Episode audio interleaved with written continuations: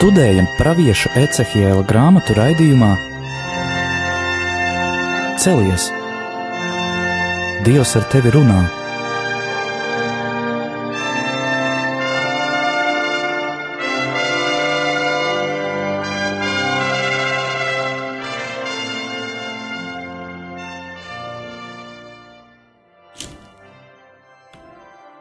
Slavēts Jēzus Kristus, mūžīgi mūžos slavēts, studijā Stela. Un Anģela. Svētītu visiem jauno gadu.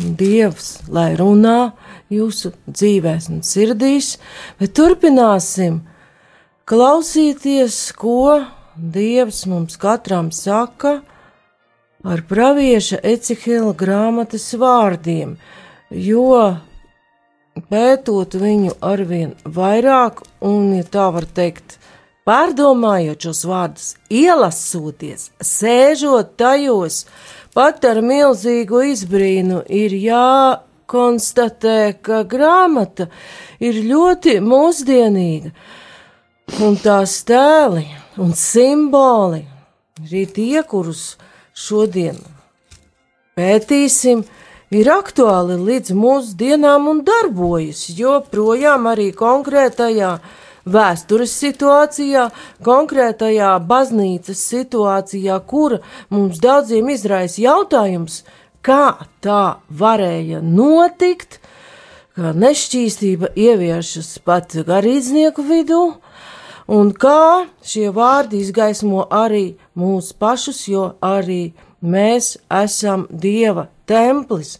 Šodien mēs lasīsim Ecihila grāmatas astoto nodaļu, lai saprastu, ko nozīmē tempļa simbols, kāpēc Ecihilam tiek rādīts šis templis, un Dievs pakāpeniski viņam parāda tās negantības, nešķīstības, kas notiek ne jau kaut kur ārpusē, bet tieši iekšā templī, kurai, kur vajadzētu būt vienīgā dieva pielūgšanas eh, vietai.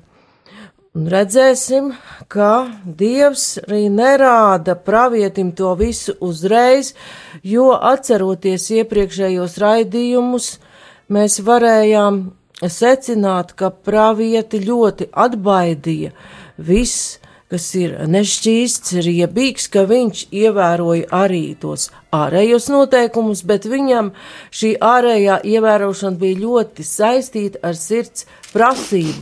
Un var redzēt, ka šī dieva godība, kas aizved Ecihelu uz šo templi, jo redzam jau pirmajās, pirmajos pantos, astotajā nodaļā, ka Ecihils redz to pašu parādību, ko jau iepriekš. Un arī tēlu, kam bija cilvēka izskats, jaunās derības gaismā mēs varam saprast, ka pat tas ir mūžīgā gudrība, mūžīgā gaisma, pats Kristus, kas viņam rādīja visus šos notikumus un simbolus, kuri apzīmē visus šos procesus vēsturē un katrā cilvēkā. Un iepriekšējā reizē arī minēju, ka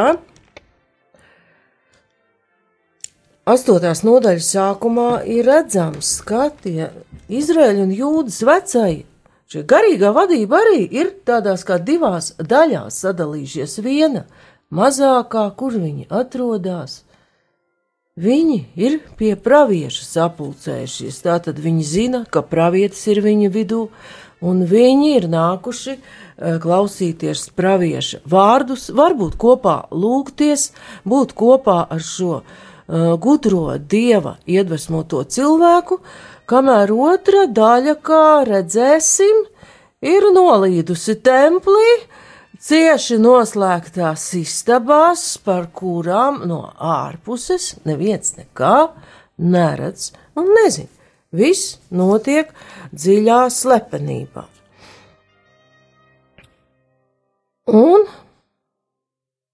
lasām ka gara spēks ir tas, kas paceļ pravieti starp zemi un debesīm un dievišķā parādībā aiznes mani uz Jeruzalemi pie iekšējā pagalma vārtie uz ziemeļu pusi, kur stāvēja tas elka tēls, kas to kungu kaitināja un sāpināja. Bet krieviski tie vārdi ir citādi. Nu, kaitināja, sāpināja, mūs katru kāds kaitina, sāpina, tas vārds īsti neizsaka to, kā, ja pat var lietot tādu cilvēcisku izteikumu, kā jūtas dievs, kas ir glābis un sargājis savu tautu un vēlējies sapulcināt kā vista zem saviem spārniem, spulcina cāļus, par ko saka kāds cits pravietis. Krievu valodā ir vārds, kas izsaka to precīzāk. Anģela, nolasi, lūdzu. Nu, tad trešo, ja? Jā. Mhm, Sākot. И простер он как бы руку и взял меня за волоса головы моей, и поднял меня дух между землею и небом, и принес меня в видениях Божьих в Иерусалим, ко входу внутренних ворот, обращенных к северу, где поставлен был идол ревности, возбуждающий ревнование.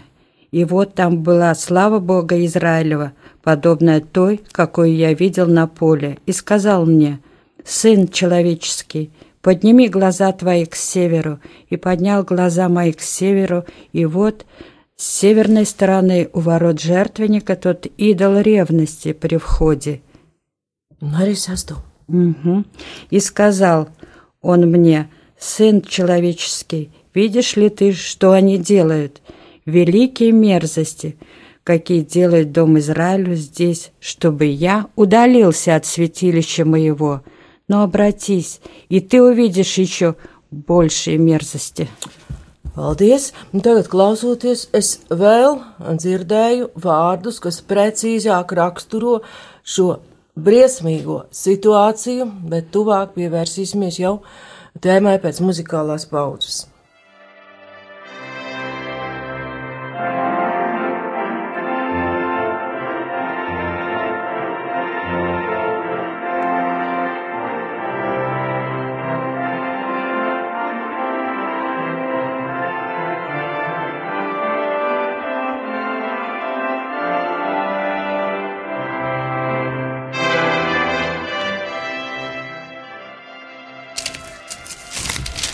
Ko mēs redzam? Kungs rāda pravietim elka tēlu. Viņš ir uz ziemeļiem no altāra vārtiem pie ieejas. Tātad tas elks ir ļoti tuvu altārim, ziemeļu puse. Ņemot vērā svētā zemes geogrāfiju, apzīmēja pusi, no kuras nāk pagānu tautas, nāk elkdievība. Un te ir vienkārši elka dievs, kas kungu kaitina un sāpina, bet krievu tulkojumā ir minēts vārds revnests.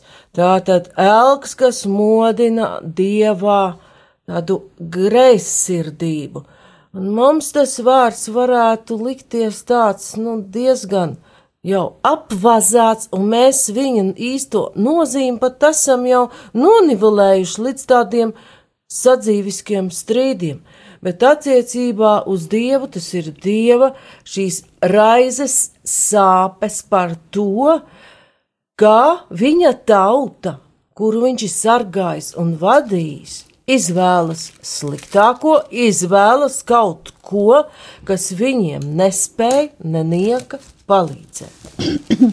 Jā, un uh, otrā pāvila vēstuli korintiešiem mēs varam dzirdēt un lasīt, ja mūsu evaņģēlijs ir aizsekts, tad tas ir aizsekts tiem, kas pazūd, kuriem šīs pasaules dievs ir apstulbojis ne, neticīgo sirdi, ka tiem nespīd Kristus godības evaņģēlīja gaišums, kas ir Dieva attēls, jo mēs nesludinām paši sevi, bet Kristu Jēzu, to kungu, mēs paši esam jūsu kalpi, Jēzus sūtīti, jo Dievs, kas ir sacījis, lai gaisma aust no tumsības, ir atspīdējis mūsu sirdīs, lai dotu Dieva godības atziņas gaismu Kristus vaigā. Paldies! Šeit var teikt, ka Pāvils komentē pat Ecehila tekstu savdabīgā veidā, varam to saistīt arī ar kristietības laikiem, ka tāpat Kristus tēls var tikt aizsekts, nolikts malā un viņa vietā nolikts cits elka tēls, kurš tiek pielūgts. Ecihela grāmatā Nav teikts tieši, kas tas ir par elka tēlu. Mēs iepriekšējā reizē skatījāmies ķēniņa grāmatā, ka tas varētu būt bāls vai aštarte, kad notika Josijas reforma, bet rakstos ir noklusēts, kas tas tāds ir ar ļoti gudru ziņu. Tas var būt jebkurā laikā, jebkāds elks, kas nostājas kunga vietā un uz kuru cilvēks saka ārkārtīgi paļauties. Kad izradzētā tauta bija izgājusi no Ēģiptes, nu, tur jau nepagāja ilgs laiks, ka jau acu priekšā tika nolikt zelta teļš, un šis simbols apzīmē šo materiālo redzamo taustāmo vērtību, klātbūtni un pielūgšanu līdz pat mūsu dienām.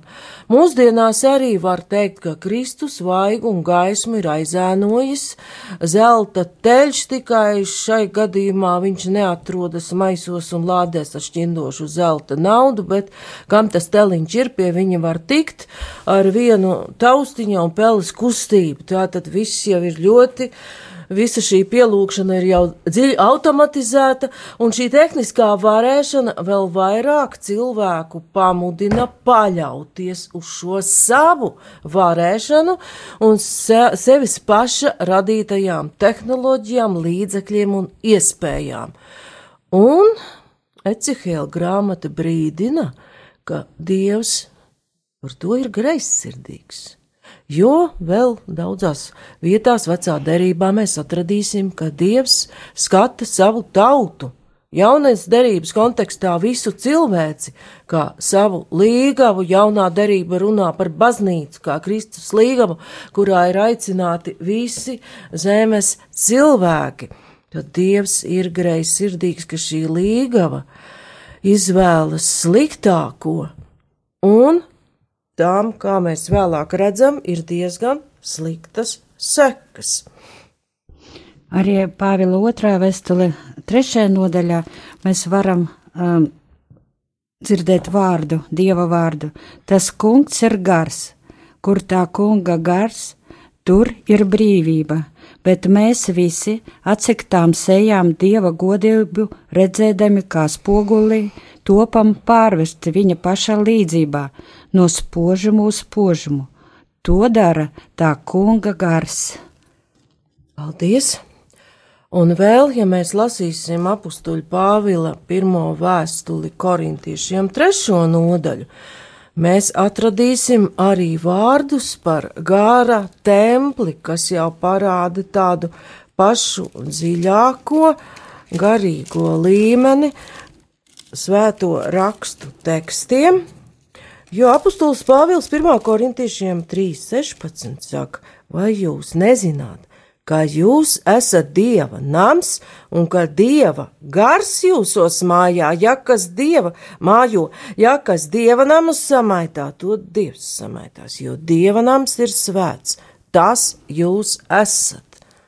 Tātad arī šeit Pāvils izsaka brīdinājumu par to, ka var notikt šāda dieva tempļa, dieva nama samaitāšana, un tad, ja tas tiks samaitāts gars, ies prom.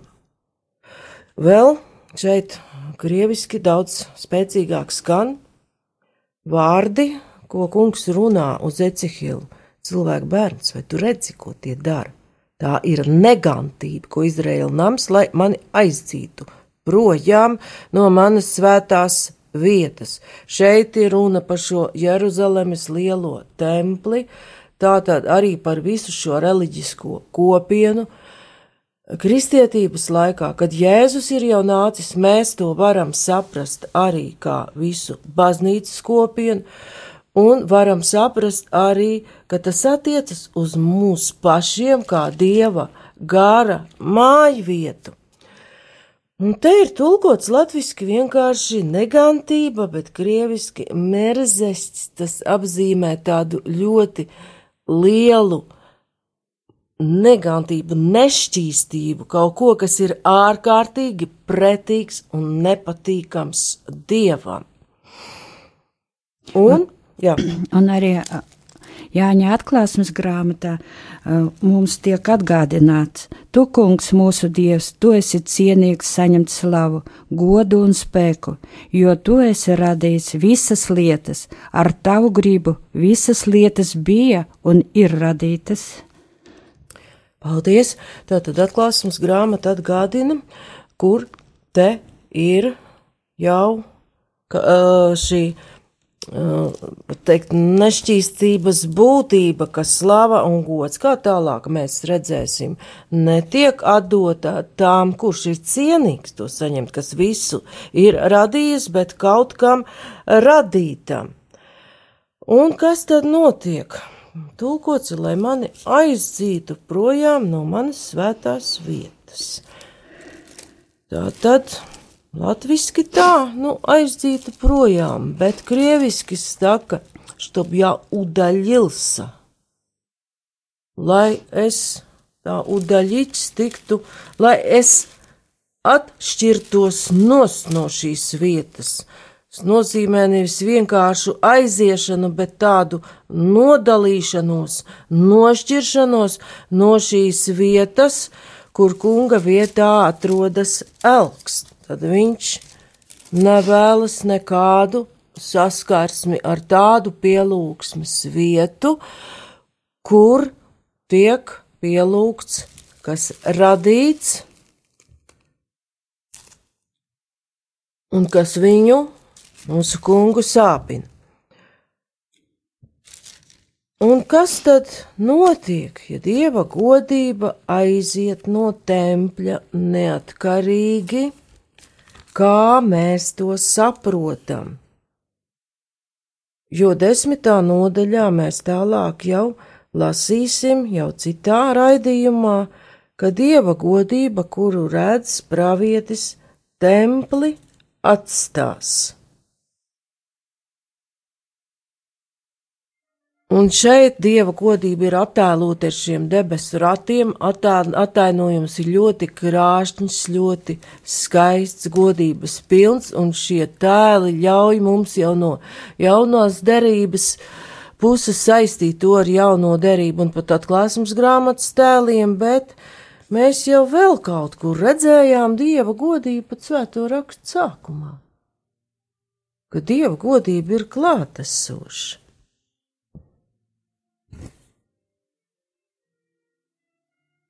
Izceļošanas grāmatā mēs varam lasīt. Tur nav tieši teikts dieva godības parādība, bet 13. nodaļā, 21. un 22. pantā mēs varam lasīt. Izrēlieši ir izgājuši no Eģiptes zemes, šie apstākļi ir, viņi ir bruņoti kaujai, un ir paredzams, ka faraons viņiem dzīsies pakaļ. Un kā tad viņi iziet no šīs Eģiptes zemes un dodas ceļā? Un tas kungs viņiem gāja pa priekšu, dienā mākoņu stabā, lai tos vadītu pa ceļu, bet naktī uguns stabā, lai ceļš tiem būtu apgaismots dienu un nakti un mākoņu staps dienā un uguns staps naktī nenodzuda tautas priekšā. Un šie mākoņi un uguns svētajos rakstos arī ir viens no dieva godības un viņa klātbūtnes simboliem. Tātad dieva godība ir tā, kas vada pa ceļu un apgaismo ceļu. Tātad tā ir klātesoša, lai šī tauta nenomaldītos. Un, ja lasīsim tālāk izceļošanas grāmatu, mēs redzēsim, ka dieva godība ir tā, viņa spēks kas nostājas starp bēgošo tautu un eģiptiešiem, un faktiski dieva roka ir tā, kas sakauj šo ļoti varano karaspēku, ļoti varano toreiz Eģiptes valdnieku.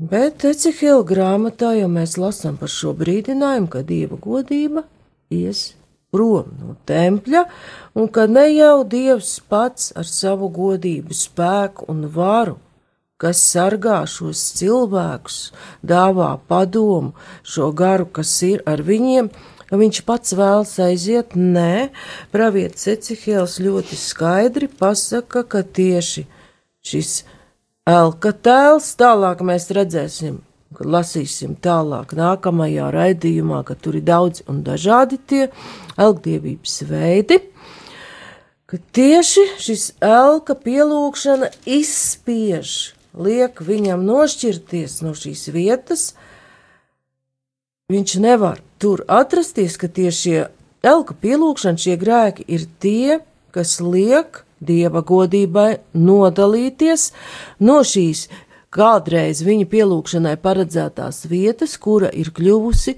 nešķīsta. Un te nedaudz varam pieskarties arī šim vārdam - nešķīsts, jo, diemžēl, ļoti daudzreiz tas tiek reducēts tikai uz vienu ļoti šauru jomu, dažkārt to saprotot tikai uh, tādas tīri vai fizioloģiskas un anatomiskas lietas starp vīrieti un sievieti, bet svētajos rakstos to saprot daudz plašāk un var teikt, ka viens nešķīstības veids velk līdz citus, tāpat kā viena baušļa pārkāpums velk līdz visu pārējo baušļu pārkāpumu. Tas ir lietas, darbības, cilvēku rīcība, kas nepatīk dievam, kas viņam nav pieņemama, kas nav savienojama ar viņa godu un slavu. Tikpat labi nešķīsti var būt arī jebkurš, un liela nešķīstība var būt jebkurš kunga likuma pārkāpums, kā arī mūsdienu kontekstā jau redzam, Bet kas tad ir mums tik ļoti pierastā korupcija un kukuļņemšana, kas zeļ un plaukst, par kuru runā pāvests Francisks, runā arī mūsu arhibīskaps, kas noved tautu nabadzībā? Tā ir ļoti liela, milzīga nešķīstība, kas ir aizliegta jau Torā.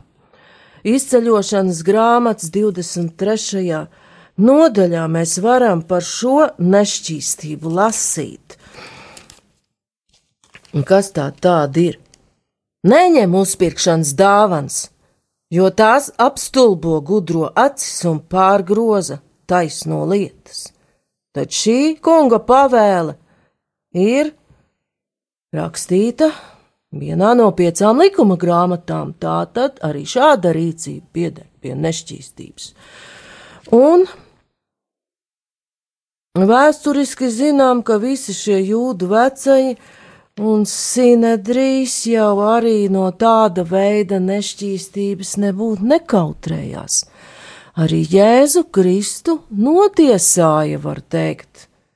Tas gan notika Romas okupācijas apstākļos, bet notiesāja viņu jūdu garīgās varas elite, kur ļoti labi zināja dieva un e, gan e, likumus, gan arī tīri labi orientējās Romas likumos.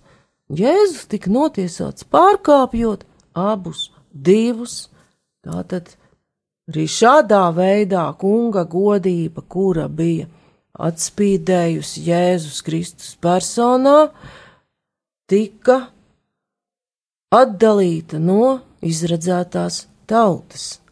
Arī Te varam redzēt, ka nešķīstība ļoti plašs jēdziens un attiecas uz ļoti daudzām vietām, un apzīmē to, kas ir pretrunā ar kunga likumu un ir viņam nepatīkams. Un Lūkas evangelijā mēs varam lasīt, bet kāds viņam jautāja, Kungs, vai to ir maz, kas tiks izglābti? Uz to viņš atbildēja: Cinēties, ieiet pa šaurajiem vārtiem, jo es jums saku, daudzi vēlēsies ieiet, bet nevarēs. Jo ja jūs tikai pēc tam, kad nama kungs būs cēlies un durvis aizslēdzis, nostāsieties ārā un klavēsiet pie durvīm, sacīdami: Kungs, atver mums, viņš atbildēs jums: Es nezinu, no kurienes jūs esat. Tad jūs sāksiet stāstīt: Mēs ar tevi esam ēduši un dzēruši, un tu esi mācījis mūsu ielās. Tad viņš jums atteiks: Es nezinu no kurienes jūs esat, atkāpieties no manis, visi jūs netaisnības darītāji. Tur būs raudāšana, zobu trīcēšana, kad jūs redzēsiet Abrahamu, Īzaku un Jēkabu un prā, visus praviešus Dieva valstībā, bet paši sevi izmestas ārā. Paldies! Un arī šis teksts ļauj tuvāk saprast, ka formāli pareiza dievkalpošana neko kungam neizsaka, viņš skatās sirdī, nacīm redzot, tur ir runa par šiem cilvēkiem, kuru miesas templis, sirds templis ir bijis pilns ar nešķīstību, domām, darbiem, kas ir dzimuši no šīm domām, un viņi domājuši, ka neviens neredz, un ārēji viss ir izskatījies ļoti skaisti un labi, bet kungs saka, es jūs nepazīstu. Tātad tur ir runa par cilvēkiem, no kuriem dieva godība ir aizgājusi prom, un gars viņos nemājo. Un šeit šis teksts ir tāds Lūkas evaņģēlijā pat ļoti brīdinošs, ka tas Katru. var notikt diezgan viegli, bet šo tekstu tomēr, lai mēs nepaliktu bailēs, līdzsvaro evaņģēlists Jānis, kur Jēzus saka, ka dēls ir nācis pasaulē, lai pasaule tiktu glābta. Un arī vienā no, ja es nemaldos, apstuļu Pāvila vēstulē mēs varam lasīt, ka Dievs grib, lai visi tiktu glābti, un tur ir šis jautājums, kādi ir priekšnoteikumi. Zīm redzot, pirmkārt jau šī sirds atgriešanās, vēlēšanās tikt glābtiem un sākt uzticēties dieva vadībai, nevis tam elkam, kurš kungu sāpina un kaitina, kā mēs lasām praviešu Ecihela grāmatā bet nākamajā raidījumā jau mēs tuvāk pievērsīsimies, kādi varēja būt šie elgdievības veidi un kā tie izpaužas, un vai arī mūsdienās tas kaut kur ir pazudis. Bet tas jau nākamajā reizē. Paldies par uzmanību! Studijā bija Stela un Anģela.